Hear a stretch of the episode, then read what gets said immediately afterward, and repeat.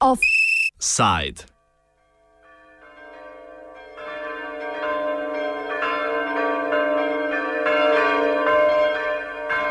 Svetom Vasiliju Ostroškom u slavu 326 godina njegovog predstavljenja. Cerkve, skupnosti in politične malverzacije.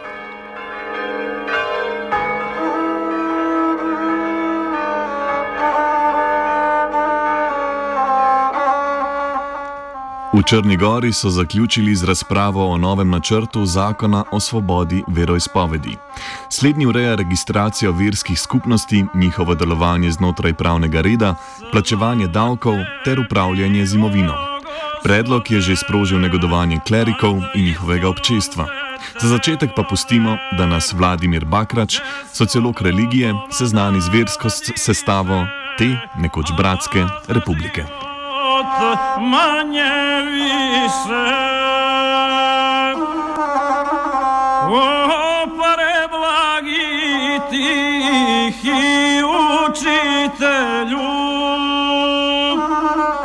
Najdominantnija, ili da kažem onako najbrojnija po građanstvu je svakako pravoslavna crkva, pravoslavna crkva koja po zvaničnoj stati, statistici iz popisa stanovništva iz 2011. godine broji neko, nešto oko 72,50% ovaj stanovništva.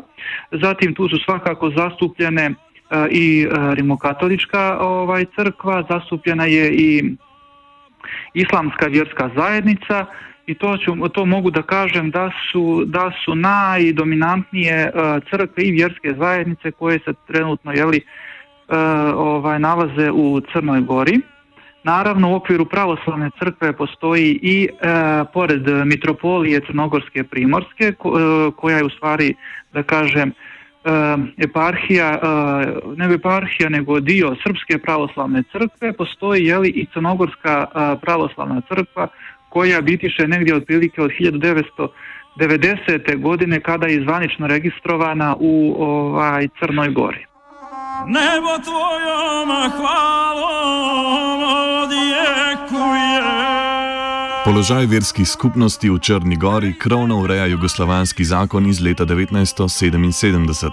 Posamezne verske skupnosti imajo z državo sklenjene tudi posebne dogovore, zato je stališče reda in discipline enotna nomotehnična rešitev dobrodošla. Situacijo in pravne statuse posameznih verskih skupnosti opiše Bakrač. do sada u Crnoj Gori e, bio na snazi zakon o e, crkvama i vjerskim zajednicama koji je još donešen e, u komunističkoj Crnoj Gori, odnosno za vrijeme vladavine socijalizma iz 1977. godine, tako da je on na neki način regulisao odnose između crkve i države. Tu su postojali neki ugovori između države Crne Gore i nekih crkava i vjerskih zajednica koji su još ranije donešeni, ali to ne kada kažem ranije nije to tako bilo davno, prije možda par godina je potpisan ovaj ugovor između Svete stolice i države Crne Gore gdje se na neki način regulisao odnos između Rimokatoličke crkve i države Crne Gore. Također je potpisan i jedan ugovor između islamske vjerske zajednice i države Crne Gore sa kojom se također reguliše na neki način odnos između Crne Gore kao države i te vjerske zajednice u Crnoj Gori. Jedino nije postojao nikakav ugovor sa pravoslavnim crkvama ovaj, u Crnoj Gori. Mučenik jedan leži koji nikad nema smrti. Nedeljko Rudovič, nekdani politični urednik Vesti, zdaj pa član državljanskega gibanja Ura, nas opozori, da je čas lansiranja predloga zakona zanimiv, še posebej v kontekstu bližajočih se parlamentarnih volitev. Sada imamo tu e, potenciranje tema koje ponovo dijele građane. Crne Gore, duboko ih dijele kao što je i NATO.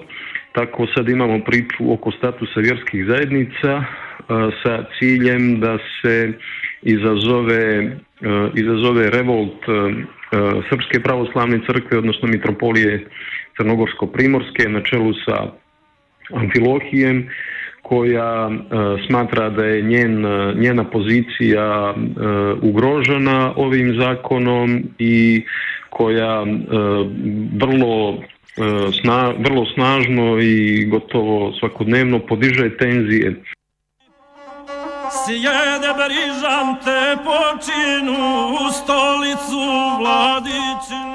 Obenem Rudovič opozarja tudi na populistične namere Mila Đukanoviča, črnogorskega premijeja in predsednika Demokratične stranke socialistov Črne Gore. Već se vide naznake jedne stare, providne političke manipulacije koja se ogleda u tome da će e, Demokratska partija socijalista na čelu sa premijerom Milom Đukanovićem e, e, sebe da predstavi kao kao vrhovnog zaštitnika crnogorskih nacionalnih interesa i spasioca Crne Gore od pretenzija velikosrpske politike oličene u srpskoj pravoslavnoj crkvi. A...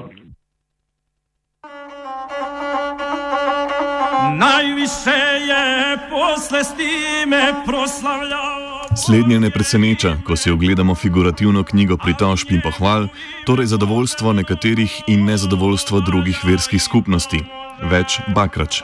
Nacrt zakona o slobodi vjeroispovijesti, kakav je prezentovan crnogorskoj javnosti, moram reći da nije naišao na odobravanje najvećih vjerskih zajednica i crkava i vjerskih zajednica u Crnoj Gori.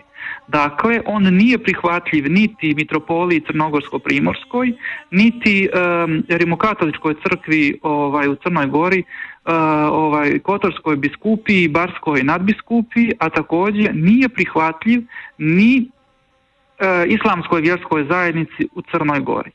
Šta se e, jedino kome možemo reći u najvećem dijelu, nije ni 100%, ali u najvećem dijelu je prihvatljiv Crnogorskoj pravoslavnoj crkvi i jevrejskoj zajednici u Crnoj Gori.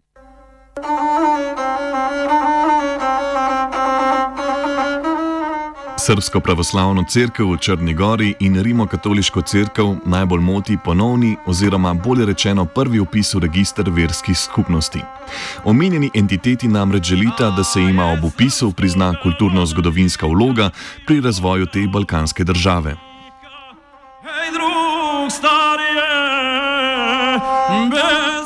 Omenjeni instituciji moti tudi dejstvo, da morajo biti meje verskih skupnosti usklajene z mejami države, ter da mora biti njihov sedež znotraj Črne Gore. Ob tem spomnimo, da rimokatoliški kler občuti domotože ob omembi Vatikana, srpsko-pravoslavni pa ob omembi Beograda.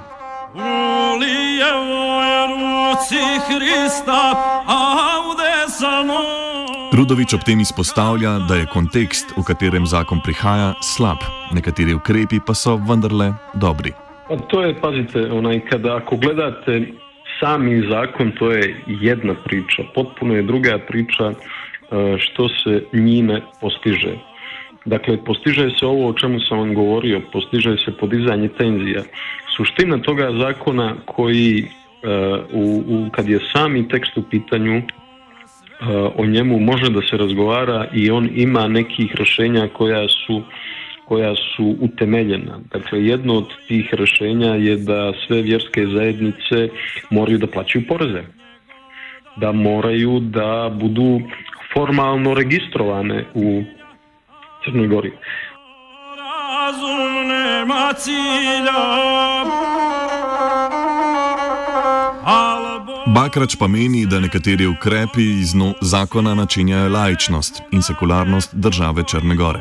Država je na neki način ovim, e, mogu reći donekle, e, pa ne bih rekao pogazila, ali mogu reći narušila sekularno i laicističko ustrojstvo e, svog državnog uređenja kada su u pitanju crkve i vjerske zajednice. Dakle, E, država na neki način pokušava da e, kontroliše svu crkvenu imovinu, pokretnu i nepokretnu. da na neki način da sve crkve i sve, bolje reći, vjerski objekti, ne crkve, nego vjerski objekti koji su pripadali državi do 1918. godine, da se ponovo vrate u okrilje države.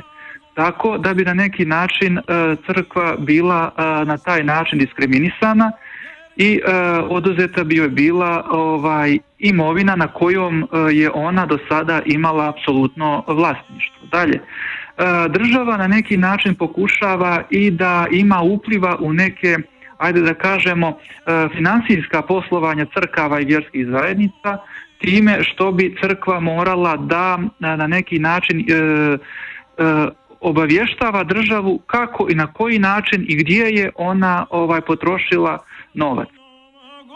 Puče da padaju s neba luče i čudesa da se čine kod grobnice vladići. Za konec v maniri šokantnih zaključkov dodajmo, da v rajonu Krepov, ki načenjajo sekularno naravo Črne Gore, gotovo spada tudi določba, da morajo verske skupnosti ob menjavi dostojanstvenika obvestiti vlado.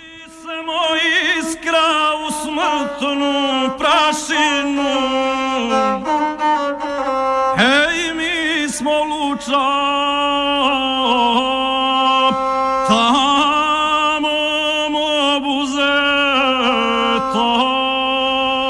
Pridigo je pripravil zub.